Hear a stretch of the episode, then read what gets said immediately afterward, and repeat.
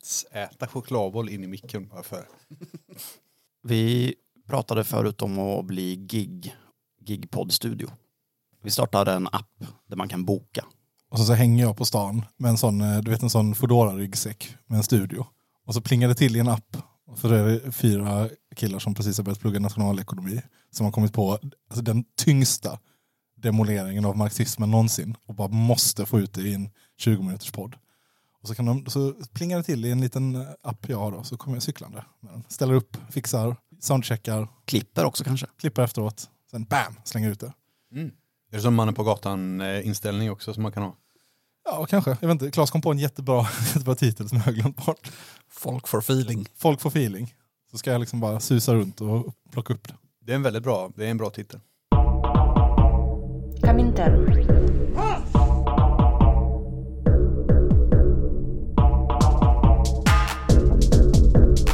Berätta inte för mig om det svenska klassamhället. Comintern. Jag har sett det. Это Коминтерн. Jag har växt upp i det. Коминтерн.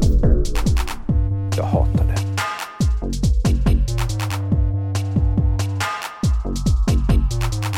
Это Коминтерн.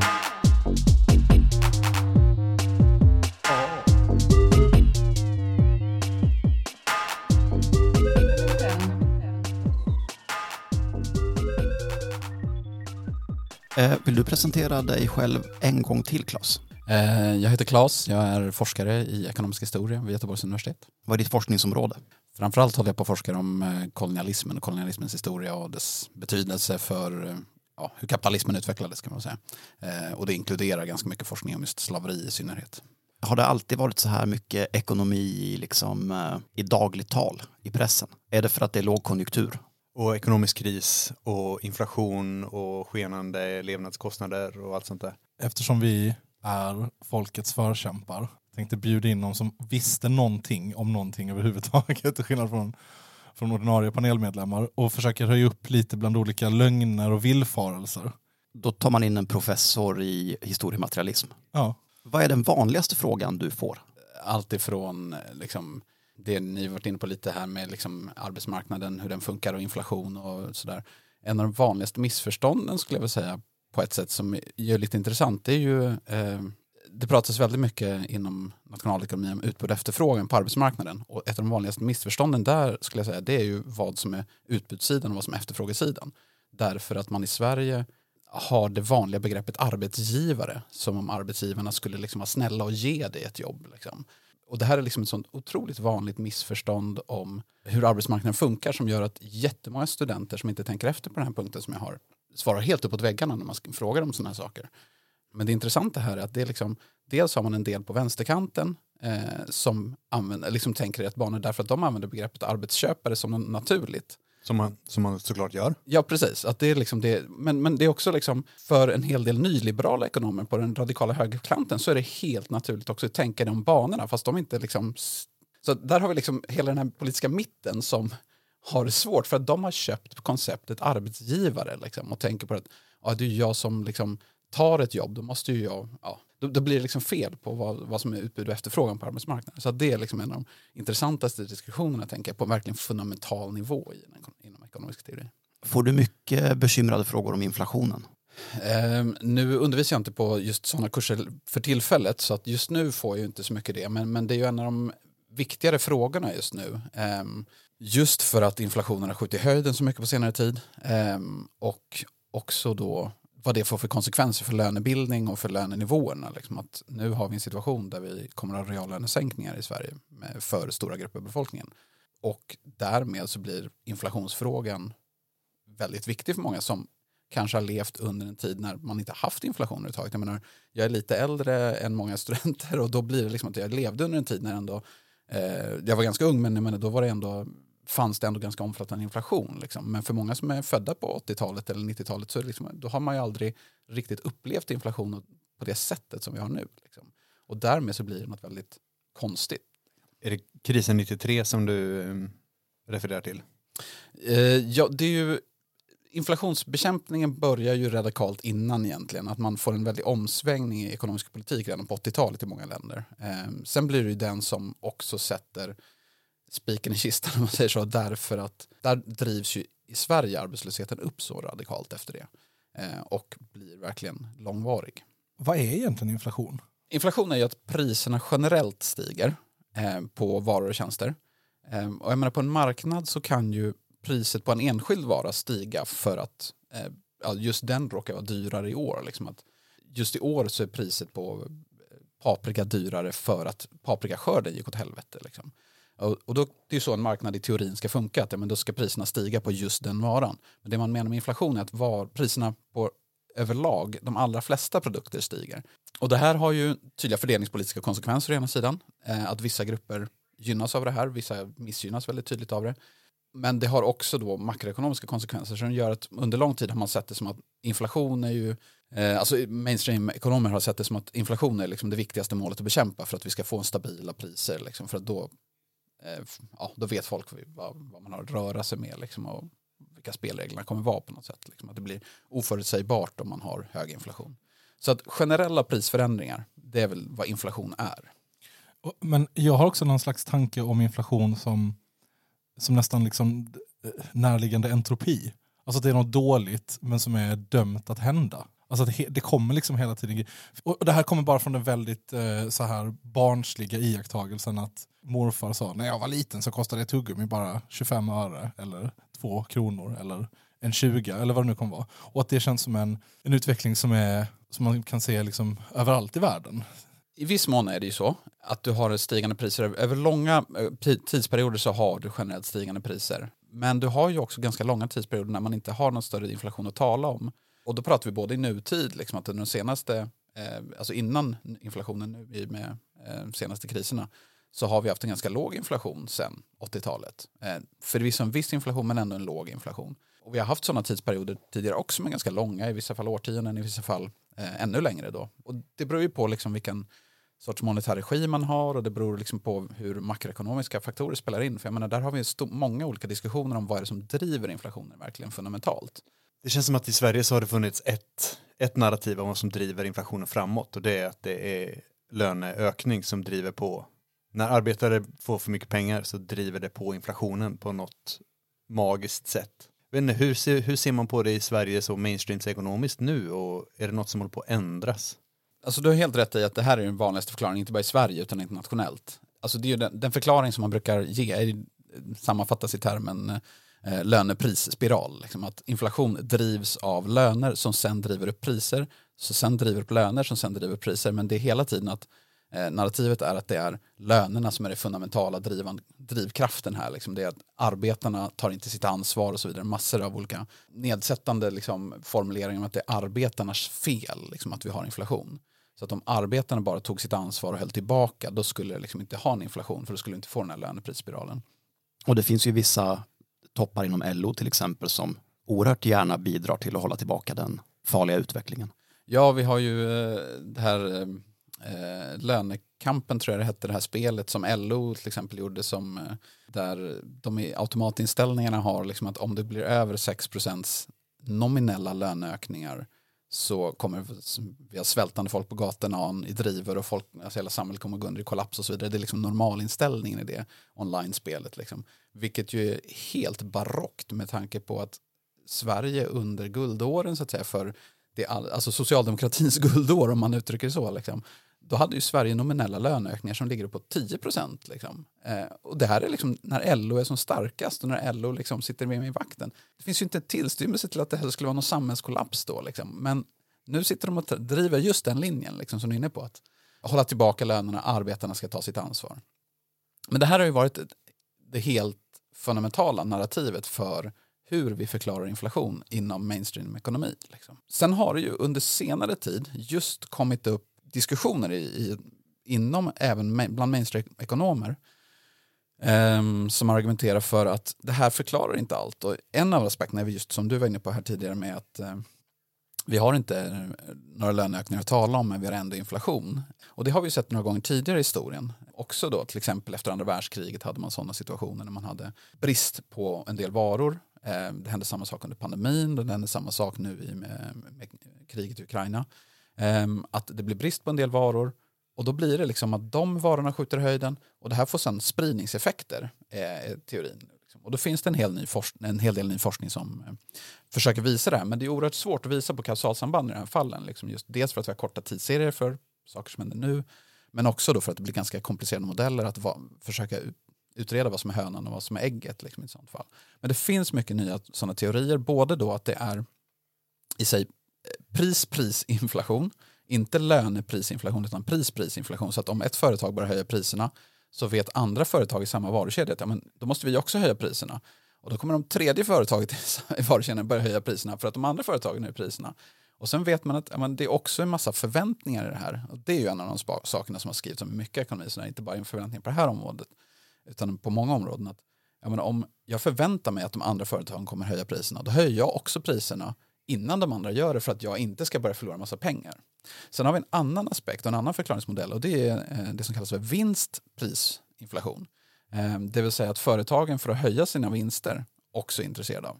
Det här är någonting som många mainstream-ekonomer säger, nej, nej, nej, det går inte. Företagen kan inte bara bestämma sina vinster. Liksom. Men det bygger på ett argument eller ett antagande om att marknaden har massa perfekt konkurrens, vilket den ofta inte har. Och det ser vi framförallt när det gäller just brist, när vi har eh, kriser av olika slag. Att uppkommer det brister där, ja då kan enskilda bolag göra vinster och då kan andra bolag som kanske inte egentligen upplever de här bristerna, då kan ju de också passa på för det. Det finns ju ingen utomstående som kan kontrollera dem. Liksom. Så att då kan de driva upp sina priser för att de är intresserade av ökade vinster såklart. Liksom. Men det är ju en del av kapitalismen, företag vill ha vinster. Har man problem med det så har man problem med kapitalismen. Liksom. Men eftersom vi inte har perfekt konkurrens på nästan någon marknad så har företagen möjlighet att driva upp sina priser.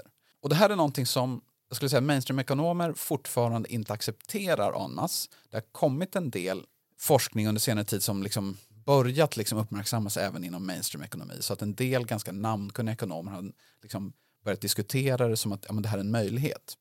Eh, Men det är fortfarande så att den, fortfarande en stor dominerande narrativet skulle jag säga är fortfarande att skylla på arbetarna liksom, som om det är de som är ansvariga för hela problemet. Liksom. Jag hörde, jag pratade med en, en eh, god vän i för några dagar sedan om att eh, det är eh, att banker, när banker lånar ut pengar så behöver de inte ha täckning för hela det här lånet. I samband med att de då skapar en massa pengar genom att låna ut pengar som egentligen inte finns så driver det också på inflationen på för att man helt plötsligt bara kommer en massa pengar i omlopp framförallt typ när det gäller eh, lån för eh, kapitalbostäder och eh, infrastruktur och, och fabriker och sådana saker. Absolut, och det är en aspekt. Eh, man brukar ofta i det sammanhanget tala om en särskild sån inflation som heter tillgångsinflation.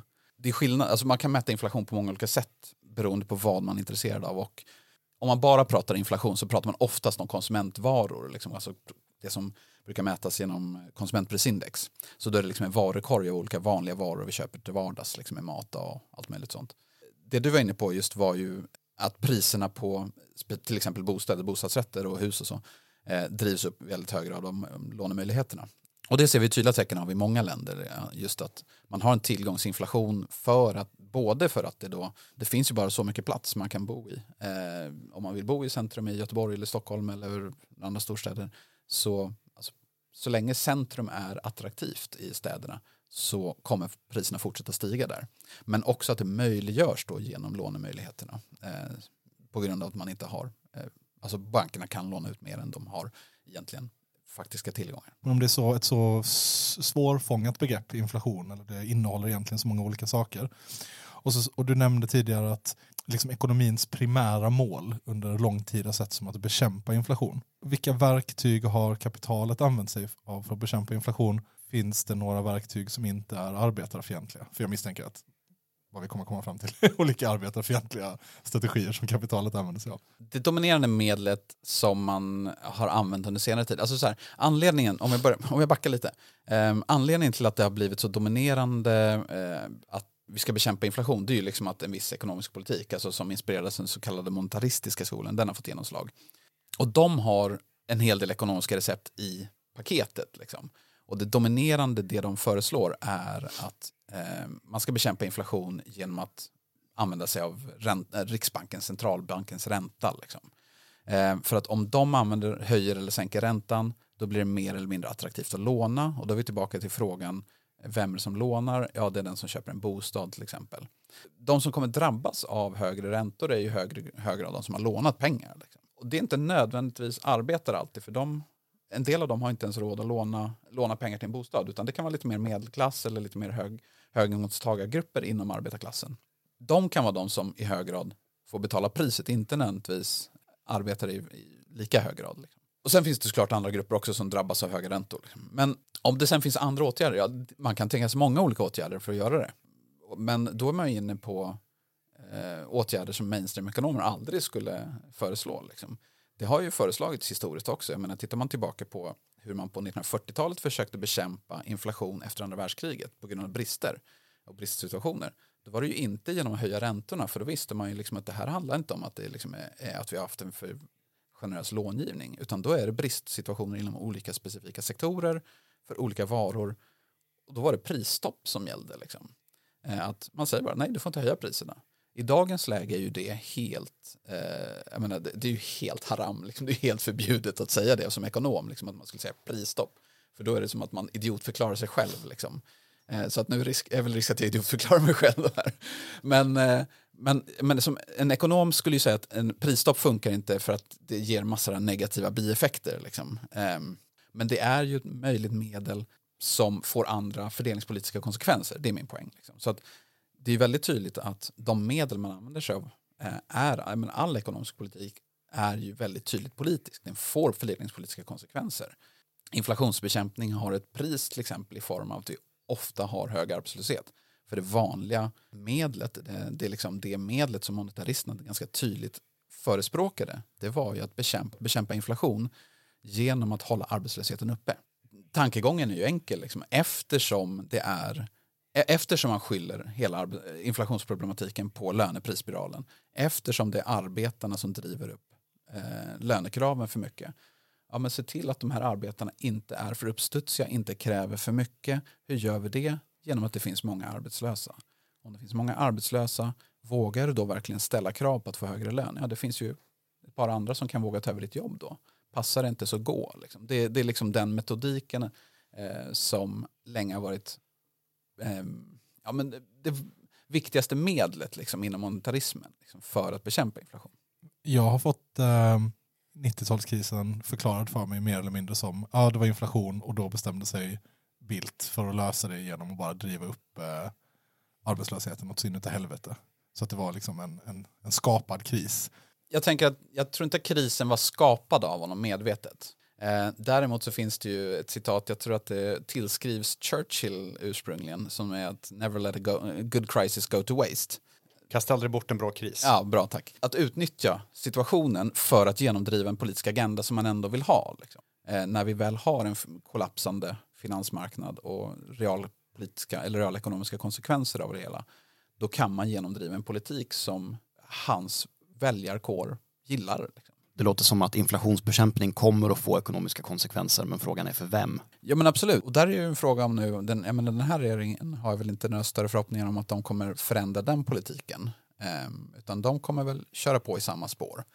Ehm, men man skulle ju kunna göra något annat, det handlar om politik. Liksom. Det här kanske har med mitt, ekonom, mitt liksom politiska medvetande att göra egentligen, men jag upplever att de senaste 20 åren så har man eh, varit väldigt framgångsrik i att tvätta bort det politiska från nyliberalismen utan börja presentera det som vetenskap eller någon sorts naturlag. Liksom.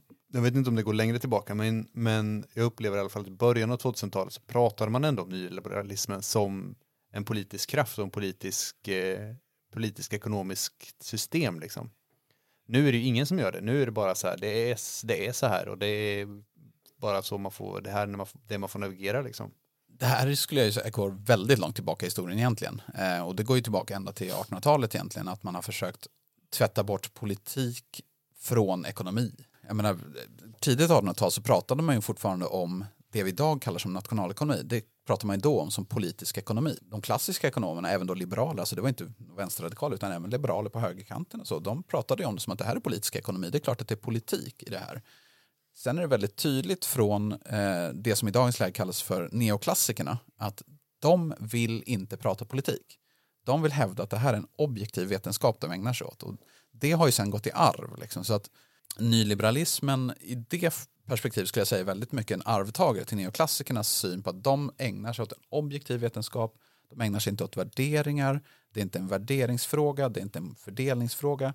Det är bara så här marknader funkar. Eh, och det är ineffektivt att ägna sig åt något annat. Liksom att ägna sig åt omfördelning eller beskattning. Det är ineffektivt, för marknader funkar inte så. Samtidigt nu har vi diskussion att det inte är så. För vi har politiker som går ut och viftar med falukorvar i valrörelsen och säger den här kostar för mycket. Liksom. Eller vi har politiker som går ut och säger bensinen kostar för mycket. Så att vissa saker klarar marknaden uppenbarligen inte att lösa liksom, när det passar politikerna. Liksom. Men på andra områden och lösningarna, den är liksom inte att då införa prisstopp nu när liksom priserna börjar skjuta i höjden utan det är liksom då att då, ska man, ja, då kan man prata lite med företag, alltså de tre företag som har hela marknaden för, för matvaror. Liksom. Man kan prata lite med dem. Men innan i varelsen då kan man miss, vifta med val, falukorvar. Liksom. Så att det är väldigt tydligt att när det passar så eh, då, då litar man inte på marknaden. Eh, retoriken är, utåt kan vara att man inte litar på marknaden, att det är fel. Liksom. Men i verkligheten sen så driver man en annan politik. När folk börjar damma av sina högrepar då, då, då är det dags att börja smörja upp munlädret. Att en paprika ska kunna stiga i pris så mycket som helst, det är liksom naturgivet. Men, in, men man talar till exempel om att manipulera priset på drivmedel och sånt där. Finns det några andra exempel på, ska vi kalla det för politisk prissättning? Eh, historiskt har det ju alltid funnits det. Att man eh, i många länder har all, det har alltid varit känsligt med liksom priset på bröd, eh, priset på baslivsmedel av olika slag och priset på drivmedel. Eh, så de har alltid varit känsliga och det är därför vi i många länder har subventioner av olika slag till sådana. Alltså i, i Sverige är det ju en diskussion om, om eh, just beskattningen på drivmedel i dagens läge. Men i en del länder som har ju omvänt under ganska långa tider haft subventioner av bensin till exempel från staten för att det ska bli billigt för folk. Liksom. De, de två områdena skulle jag vilja säga är de mest känsliga liksom, av naturliga skäl. Eh, men jag menar, mat behöver vi alla så att eh, blir priserna för höga så kommer du ha folk med högrepar på gatorna. Eh, det, det, jag menar, Det finns väl nästan till forskning på vilket blodsocker som ger eh, så revolter. Man, eh, när man tittar på de revolterna på, eh, alltså 1917 var det en, en stor liksom, revoltvåg som gick egentligen över hela, över hela Europa. Most famously är ju ryska revolutionen, men sen så är det också liksom Seskarö-upproret och uppror i Växjö och uppror på massa andra ställen. Liksom. Göteborg. Göteborg. Och det var ju i samband med att priset på mat gick upp väldigt mycket och folk var hungriga liksom. Men inte så svältande så att man blev eh, så att man inte hade någon ork att göra någonting utan bara så att man hade tillräckligt lågt blodsocker för att vara ganska hangry. Det är ju det farliga momentet för makthavare, för marknaden och så vidare. Det är ju liksom när folk som har haft det liksom i alla fall har varit över nivån svältande. Eh, men när det blir försämringar, liksom, för, för försämringar, folk verkar kunna leva med att inte ha liksom, så förbättringar om man säger så. Alltså det, folk kan liksom, så länge det inte blir sämre. Men det är just försämringar som verkar vara väldigt tändande gnistor ofta. Varför är till exempel inte rutavdraget en subvention? Varför är det en skattelättnad? Förstår ni vad jag menar? Är inte det samma sak egentligen? Det beror lite på hur man definierar begreppet subvention såklart. Jag skulle säga att det i hög grad är samma sak. Dels en teknikalitet. Om definierar vi en subvention som ett direkt bidrag till någon, eh, då är, nej, då är inte rotavdraget en, en subvention. Liksom. Men jag skulle i hög grad säga att jag håller, med om att det är verkligen en retorisk mm, aspekt av det hela bara att man väljer att inte kalla vissa saker en subvention därför att subventioner är någonting som liberala ekonomer, mainstream-ekonomer under lång tid har sagt att det är fel. Liksom. Det är någonting som gör det ineffektivt på marknaden. Samtidigt så är det liksom att om vi börjar säga att det är en subvention, ja, olika momsatser har vi på olika varor, det är subventioner då för de vissa grupper. Alltså så att det, det blir liksom, jag tycker det, det är lite en, eh, det viktiga är på något sätt alltså, diskutera att ja, men det får ju tydliga fördelningspolitiska konsekvenser och det ser vi tydligt från RUT och ROT-avdrag att det är vissa grupper som gynnas av det. Alltså det är ju hög, höginkomsttagargrupper som framförallt använder sig av det här. Eh, vissa grupper kan inte använda sig av det därför att de till exempel inte äger bostaden själv så att då kan du inte göra vissa eh, RUT och ROT-avdrag överhuvudtaget. Så att det får tydliga fördelningspolitiska, för, fördelningspolitiska konsekvenser och att det är det viktiga oavsett om vi sen kallar det en subvention eller inte. Men visst, det är en viktig aspekt av retoriken kring det hela att man undviker att kalla det en subvention eh, just för att subventioner är så eh, tabubelagt i dagens ekonomiska narrativ. Jag tänker det som jag stör mig så otroligt mycket på för tillfället är den här liksom idoldyrkan av någon slags elitklass av hyperkapitalister. Musk och Bezos och eh, vad heter Peter Thiel. Vad fan är Peter Thiel? Wow. Vi har inte tid. Men du vet han, eh, han förespråkar, och, för att han vill bli odödlig då, så, så att ta spädbarn och knäcka dem som, eh, som en kolaburk och sörpla i sig deras livskraft. Om man är rik nog ska man få göra. Skitsamma.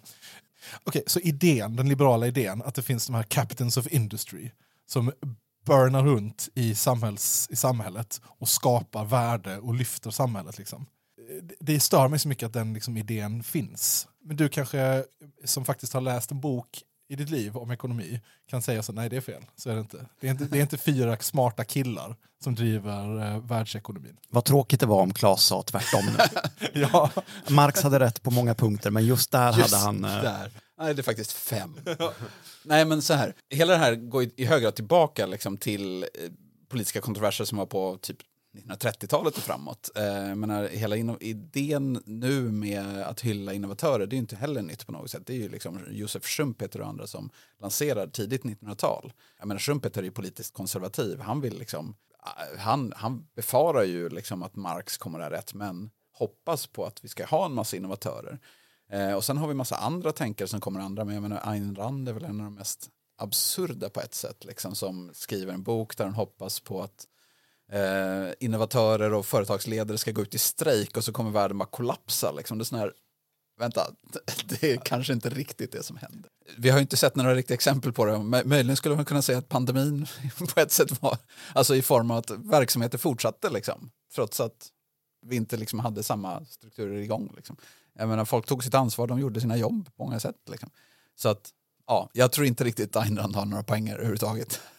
jag tycker det känns lite som att det där är återigen en sån tillfälle där vi i podden Komintern bekräftar hästskoteorin. Det bästa hade kanske varit, även ur en marxistisk vänstersynpunkt, att eh, alla eh, så här, chefer och superinnovatörer bara slutade jobba. Så hade de kunnat gå i strejk månad efter månad. Sen slutade folk var så jaha, nej men ni behövs ju inte. Och sen så hade man liksom bara kunnat gå vidare till eh, kommunismen. Ja. Ja, det hade ju liksom varit intressant om någon... Eh, alltså, så här, det, vi har ju många företag där folk har tagit över makten själva. Liksom, där de uppenbarligen har klarat av det skitbra. Allt ifrån eh, spanska inbördeskriget där folk tog över makten själva till eh, liksom, företag i Argentina under kriserna där. Alltså så, så att, eh, där folk har tagit över just för att cheferna inte har varit på plats och liksom, styrt och så vidare så har de tagit över själva istället för att bara låta företaget gå i putten. Liksom. Så att uppenbarligen så funkar det många gånger skitbra och i vissa fall ännu bättre. Liksom. Och många av de här företagen har inte haft problem att företagsledarna inte varit där. Utan de har problem med att företagsledarna försökt komma tillbaka. Eh, och försökt få tillbaka ägandet över de här företagen och så vidare. Så det har varit problemet för bolagen. Liksom. Inte nödvändigtvis att eh, den här företagsledaren som har suttit och dirigerat jobbet, liksom, att han har varit, eller, varit frånvarande. Det inte har varit problem. Men för att komma tillbaka till det här med, med just att hylla innovatören. Att den stora diskussionen där inom ekonomi är väl just den här diskussionen om var är det värde kommer ifrån. Liksom. Och då kommer man ju in på liksom, de klassiska teorierna om så kallade arbetsvärdelära och så. Men, men där är ju verkligen diskussionen om att i dagens läge att innovatörer skapar liksom värde till företaget. Det är liksom inte de som jobbar på företaget eller så som skapar värden utan det är innovatörerna med sina jättefiffiga idéer. Och därför, det är därför man då så många hyllar dem. Liksom, som att, Gud vad bra det går. Det, det liksom måste vara att Jeff Bezos har blivit så jävla rik liksom, på Amazon. Att det är hans arbete. Liksom. Det är inte alla de här andra som har då jobbat på golvet liksom, med att packa eh, produkter och skicka iväg dem. Eller alla de som har suttit på Mechanical Turk och liksom knappat in alla möjliga saker i, i som tolkar bilder och allt möjligt. Det är inte allt det jobbet liksom, som har gjort någon rik. Utan det är hans jävla fiffiga idéer. Liksom. Vilket ju är fundamentalt an, helt annat perspektiv än just om man tittar på vem är det som faktiskt jobbar och skapar någonting som är det som Amazon blir rika på. Eh, och då är man ju inne på det som kallas för arbetsvärdelära och att det är det, det är liksom de som arbetar som faktiskt skapar allt värde. Jeff Bezos och andra eh, rika snubbar liksom bara tar, approprierar det värdet. Parasiter. Det är ju liksom det som länge har varit synen från arbetarrörelsens sida. Att det här är inte en nödvändig del. De kan ta över en del av värdet som produceras av arbetare på grund av att de äger. Och begreppen har ju varierat över tid. Liksom. Menar, länge pratar man om dem som rentiärer. Liksom. I dagens läge är det ett begrepp som är helt främmande för de allra flesta. Liksom. Parasiter är ju någonting som Alltså det, det, det har ju tydliga politiska... Liksom, ja, Under och övertoner. Ja, ganska tydliga, tydliga övertoner kan man väl säga i dagens läge. Ehm, men, men det är ju inte något nytt på något sätt. Det är ju så här många har liksom betraktat det genom historien just för att, eh, vad fan, det är inte så att de tillför särskilt mycket. Och många gånger så är det väldigt tydligt att de tillför inget alls. Liksom, utan, vad fan, jag, menar, jag har skrivit eh, och forskat mycket om just slaveriplantager och sånt där. Och där är man ju väldigt tydligt att fan, många av de här ägarna de gör inte ett jävla skit själva. De sitter liksom i London eller Paris och tjänar pengar på att du har slavar någonstans som gör jobbet och sen har du en förman som driver på dem och de själva har ju ingen som helst bidrag själv utan de sitter ju bara och tjänar pengar så där är ju verkligen en parasitär klass. Liksom. Det kan de flesta köpa i dagens läge att de slavägare liksom skulle vara det. Slaveri var ju något annat än vi har idag liksom. och det är det ju på, absolut på många sätt liksom, att vi har en annan arbetsmarknad. Det är en helt annan kvalitativ funktion som slavar har liksom, på en arbetsmarknad. Men funktionen som arbetsköparna har och som ägarna av resurser har är ju många gånger likadan. Det vill säga de gör inte så mycket själva. De tjänar pengar för att de råkar äga en resurs. Men sen är det ju en intressant skillnad på ett sätt tycker jag också analytiskt i form av de som äger men som, eh, och som blir rika på att de äger mot de som då ändå är på något sätt entreprenöriella och kommer med någon ny idé. tänker jag. Om man liksom jämför eh, Donald Trump med typ eh, Bill Gates. Liksom. Ehm, man må, alltså Bill Gates har ju blivit rik på att många har jobbat för honom. Men det är också så att han har gjort någon, eh, alltså han och hans företag och alla som har jobbat för det företaget har gjort något nytt. Medan Donald Trump själv har liksom bara blivit rik på grund av att han föddes rik. Liksom. Så han sitter ju bara och förvaltar eh, ett arv. Och där finns det ju en skillnad som jag tycker ändå är viktig att göra. Men det, ju, det säger ju, betyder ju inte att det är liksom Bill Gates som har skapat Microsofts värde personligen. Liksom. Man läser ibland, tycker jag, att Sverige har blivit ett paradis för miljardärer. Och lite beroende på vem som säger det. Antingen är det någon som säger det i personalrummet med avsmak och äckel i munnen.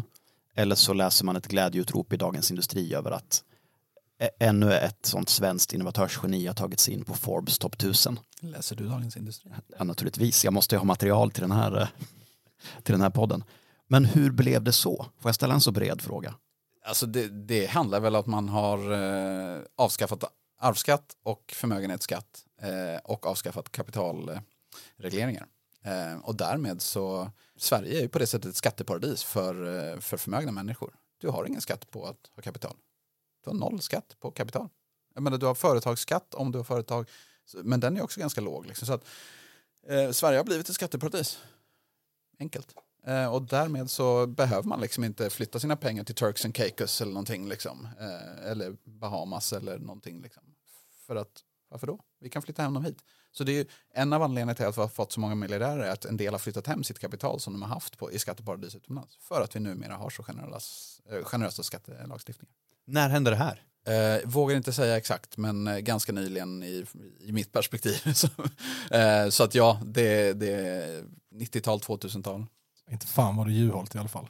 Det är ett som är säkert. Ja, men det känns väldigt mycket Reinfeldt-regeringen-esk grej. Men eh, vad vet jag, det kanske var då jag såg, började se klistermärkena om... Om arvsskatten. Ja, Åh, dessa arvsskatten-klistermärken, Ja. det var de som gjorde mig till kommunist.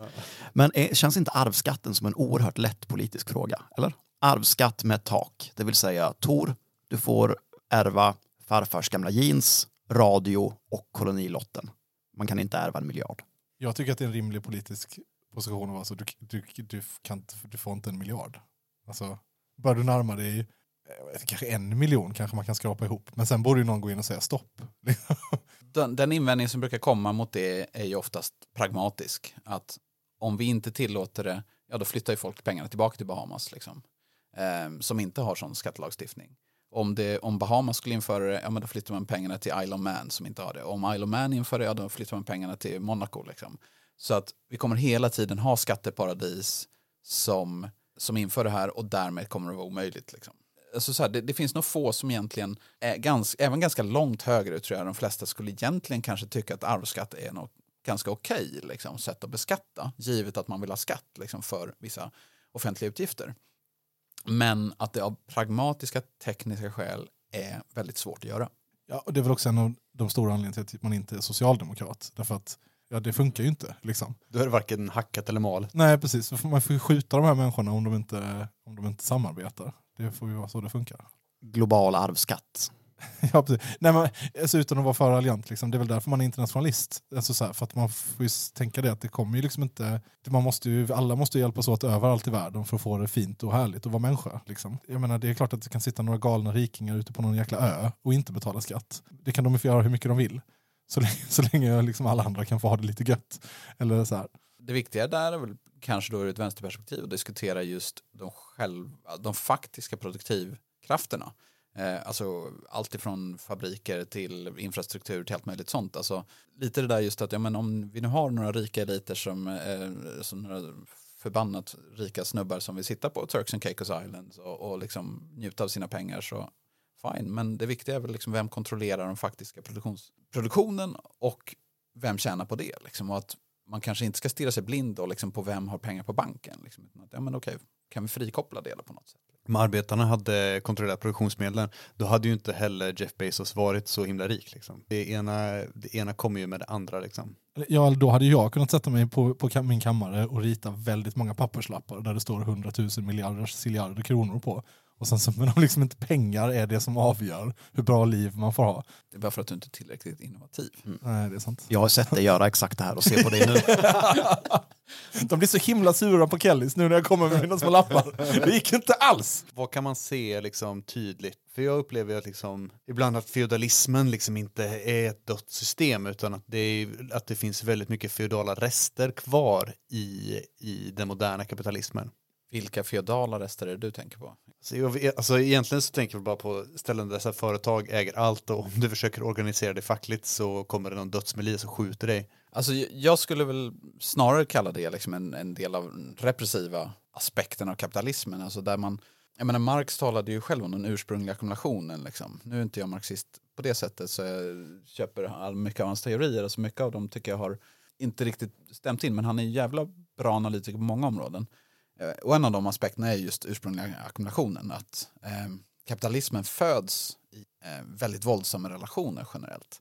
Det kan vara i Europa men det kan vara i kolonier och annat. Och det här är ju någonting som sen lever vidare väldigt mycket inom kapitalismen i, på många håll i världen. Att man använder sig väldigt tydligt av våld när marknaden inte tillhandahåller det som starka ekonomiska intressenterna liksom är intresserade av. Får vi inte liksom, eh, eh, billig arbetskraft nog, ja, då kan vi hyra in lite dödsmiliser som går och skjuter fackledare. Liksom. Och det är det vi ser i Latinamerika under eh, många årtionden, liksom under efterkrigstid till exempel. Att där är det väldigt tydligt att bekämpa fack. Liksom. Och det är ju inte på något sätt unikt för den. Det, det sker ju på många håll i världen. Liksom. Det ser man ju väldigt tydligt, det finns tydliga anti fackliga kampanjer hos eh, Amazon. I dagens läge är det i alla fall lite fredligare på många håll, eh, till exempel i USA det var, jag menar, går vi tillbaka 100-120 år sedan så var ju arbetsköparna väldigt våldsamma i USA. Liksom.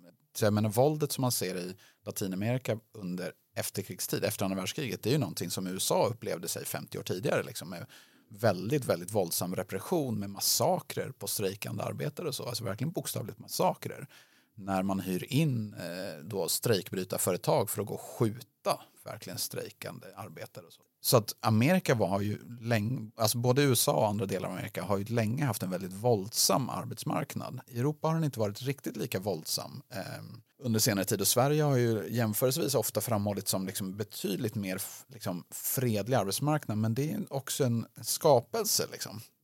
Där man kan diskutera hur mycket beror det på att arbetsköparna agerat annorlunda och hur mycket beror det på att eh, arbetarrörelsen faktiskt var väldigt framgångsrik och blev så stark så att arbetsköparna skulle liksom inte kunna krossa det på samma sätt. Så att, och där, där har man ju olika tolkningar just av, av den historien. Att, eh, några som har framhållit att ja, men arbetsköparna var liksom snällare här eller godare eller bättre. Liksom, eh, och köpt det narrativet, lite i samma narrativ som jag började med, med arbetsgivare. Att ja, men, arbetsköparna är egentligen ganska trevliga i Sverige jämförelsevis. Liksom. Medan många andra framhållit då just att det är kanske snarare just att eh, här, här skulle man liksom inte... Alltså att det var redan, under 1800-talet så var det våldsamt här också. Liksom. Men här får man ganska snabbt en ganska stark fackförening relativt sett.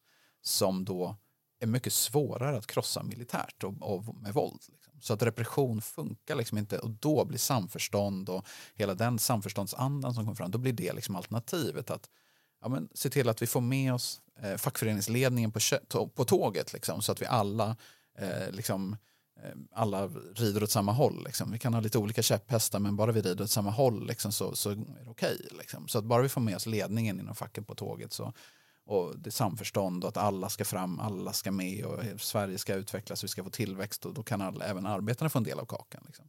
Så att då blir det liksom en annan retorik för att fackföreningsrörelsen var stark. Liksom. Och där blir det intressant för framtiden nu eftersom fackföreningsrörelsen i många europeiska länder har försvagats, inklusive Sverige. Liksom att organiseringsgraden går ner och annat.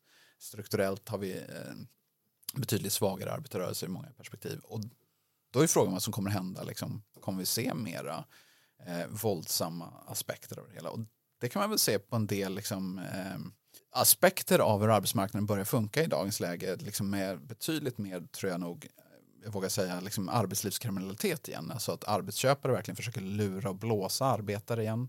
Eh, som, jag menar för 40 år sedan föreställer jag mig att, eh, jag menar, då var jag, även jag ganska ung, liksom, så, då föreställer jag mig att facken fortfarande var så, alltså de, de dominerande LO-facken var så på tårna fortfarande att man skulle liksom inte accepterat riktigt att men, byggen, eh, att man försöker blåsa arbetare hur som helst. Liksom. Men i dagens läge är det liksom legio och eh, de dominerande facken, alltså LO-facken, gör ganska lite liksom, och blundar i hög grad därför att det är ganska ofta är migrantarbetare. Ja, precis. För jag tänker att det är nog inte bara så att de här LO-facken eh, liksom har blivit eh, slapp slappare nödvändigtvis. Men jag tror att det handlar, det har de till viss del också säkert. Men, men jag tänker också att det handlar mycket om att vilken grupp som tillåts innefattas i fackföreningen. Liksom. För de som vill veta mer om det här kan man lyssna på vårt förra avsnitt också om eh, SAC. Just det. Men samtidigt som vi ju också ser eh, ja, men, eh, massvis av eh, arbetare på tågen nu till exempel som lämnar Seko efter sveket i strejkförhandlingarna. Och sådär. Vi- Den här podden, skulle jag vilja säga, kommer vara först på bollen med att vråla strejkvåg med ett darrigt finger i luften. Jag såg hashtaggen vild sommar 2023 i sociala medier. Ah, ja, nej men då så, strejkvåg, det är strejkvåg i Sverige, det är, det är de första krusningarna på vattnet och vi här i Komintern, vi så- såg det först. Det är, ju, det är ju inte bara vi som har en klasskamp. Alltså klasskamp betyder ju inte att vi flyttar fram, arbetare flyttar fram våra positioner, utan det betyder ju också liksom kapitalet flyttar fram sina positioner. Det är precis lika mycket av en klasskamp som, som när vi flyttar fram våra positioner. Fast de ofta inte talar i de termerna. Men, och många gånger är de, ju, är de ju väldigt medvetna om att det är precis det de gör. Så det är inte heller så att det liksom skulle vara ensidigt i form av liksom medvetande om eh, klassmedvetande skulle vara något som eh, arbetarrörelsen eller medvetna arbetares privilegium. Utan det är ju även så att kapitalister eh, många gånger är väldigt tydligt klassmedvetna och eh, solidariska med sin klass och så vidare jag menar, intresseorganisationerna och medlems Industriförbundet och Svenskt Näringsliv och andra ställer upp på sina medlemmar, sina, sina klassintressen. Liksom. Även när det är eh, företag som de egentligen kanske tänker att fan det här är ett jävla skitbolag som håller på med kriminalitet eller liknande. Men det ligger i vårt jävla klassintresse att stödja det här företaget. Liksom. Så att, jag menar, de är ju väldigt tydligt klassmedvetna många gånger och kanske många gånger mera så än många arbetare. Ja, de är ju färre. Det är lättare då att hålla ihop. Vi sålde in det här avsnittet lite till Claes med att vi skulle så slå hål på etablerade ekonomiska myter. Vilken är det som upprör dig mest när du sitter i tofflorna en söndag, du slår upp GP och så knyter du näven? Bitcoin, igen! Jag, jag slår inte upp GP för jag blir så arg. det som eh, jag tänker är fundamentet för mycket av den ekonomiska teorin det är ju liksom att marknaden skulle fungera så jävla bra och att vi skulle ha så jävla bra konkurrens så att det liksom just att man därav kan skylla allt på arbetarna. Eh, och det tänker jag är liksom eh, eh, sånt fundamentalt problem i mycket av ekonomisk teori därför att det används för så många argument om att den här ekonomiska politiken går inte eller den här ekonomiska politiken är ineffektiv. Vi kan inte ha beskattning, liksom. vi kan inte ha omfördelande beskattning. Vi kan inte ha prisstopp eller vad, vi kan inte ha vad som helst. Alltså alla möjliga åtgärder som inte kan göras därför att det, inhämmar ju, eller det- det inskränker på marknaden. Liksom. Så att marknaden hålls så helig. Liksom. Eh, Så det är någonting jag tänker är en eh, sån helig ko inom mycket mainstream-ekonomi som är eh, så fundamentalt problematisk. Liksom. Som det är dags att slakta. Vi, vi har, de säger att vi har konkurrens. Hur många företag är det som konkurrerar? Är det tre? det varierar ju väldigt mellan olika marknader. Eh, vilka vi pratar om. Liksom. Att, eh, på jag menar, livsmedelsmarknaden så är det tre jättar som dominerar. Eh, och vissa, alltså pratar vi bensin så är det likadant att det är en handfull företag och så vidare. Och så vidare. Så att, men på de allra flesta marknader så har vi ju inte ens i närheten av det ekonomer drömmer om, det vill säga det, det som kallas för perfekt konkurrens, liksom där vi har en oändlig mängd konkurrerande företag.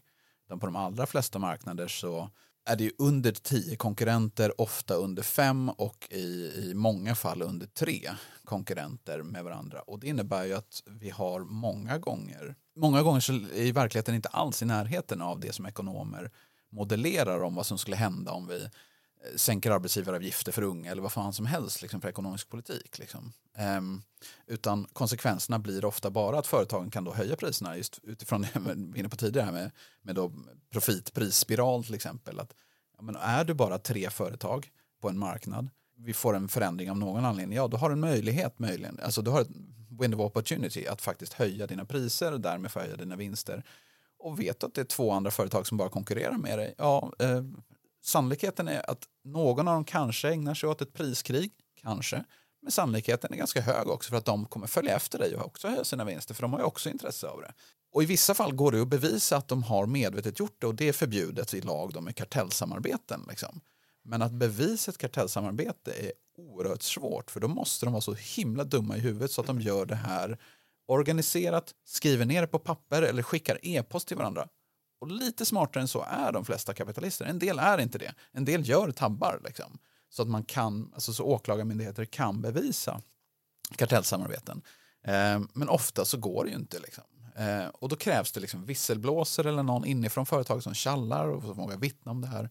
Men det är ju sällan vi hittar sånt. Liksom. Så att just ofta så har vi liksom väldigt monopolistiska marknader. Eh, och de kan sätta priser lite hur de vill. Liksom. Och de, marknaden funkar liksom inte så som ekonomer hoppas eller drömmer om. Jag tycker det var orättvis, eh, Andreas, som eh, ställde en, eh, en sån fråga. Hur ska man bekämpa marknadsfundamentalism? Det är väl att göra vänsterpolitik. Liksom. Marknadsfundamentalismen är ju på många sätt liksom kärnan i högerpolitik. Man kan, ha lite, man kan syssla med lite främlingsfientlighet, man kan syssla med lite förhärligande av patriarkalt våld, man kan ha lite dålig klädstil. Allt saker som högern älskar att syssla med. Liksom. Men vad det egentligen handlar om är ju att om man inte kommer tillräckligt hög, eh, liksom, eller ja, sen kan man ju vara, det finns ju fascister som drar ifrån det där lite. Men mycket handlar det om att, att marknaden är helig och viktig och fin. Och den får man banne mig inte trilskas med. Liksom. Så alla angrepp på högerpolitik är ju, liksom, siktar väl någonstans mot att angripa just den eh, ställningen som, som marknaden har. Jag menar, kapitalismen har visat sig väldigt resilient. Alltså den, den har väldigt, visat sig väldigt, har en väldig förmåga att överleva. Liksom. Eh, många kriser. Eh, och den omskapar sig själv. Och det, kriserna drabbar en massa fattiga men de fattiga kommer inte nödvändigtvis eh, liksom skapa revolution över en natt. Eh, så just för att men, vi har en massa narrativ som skyller på annat än kapitalismens grundprinciper. Liksom, som många har köpt in sig på. Och, Kul, hör ni vår mailbox fyllas i realtid. Ja, det är så glasögonosfest där. Ja. Man bara hör väsandet. Tack så hemskt mycket för att du tog dig tid Claes, det var jättetrevligt. Super, superintressant faktiskt. Och jag tror jag talar för oss alla när jag säger att vi hemskt gärna gör ett avsnitt om kolonialism och slaveri någon gång. vi får ta det vid tillfälle. Ska vi säga vilka vi är och vad det här var också? Vilket vi såklart försummade igen. Ja, det är, det är, det är Gaspar, det är Tor, det är Andreas, det är eh, gästen Claes och det är podcasten Komintern. Det var det. Tack så mycket.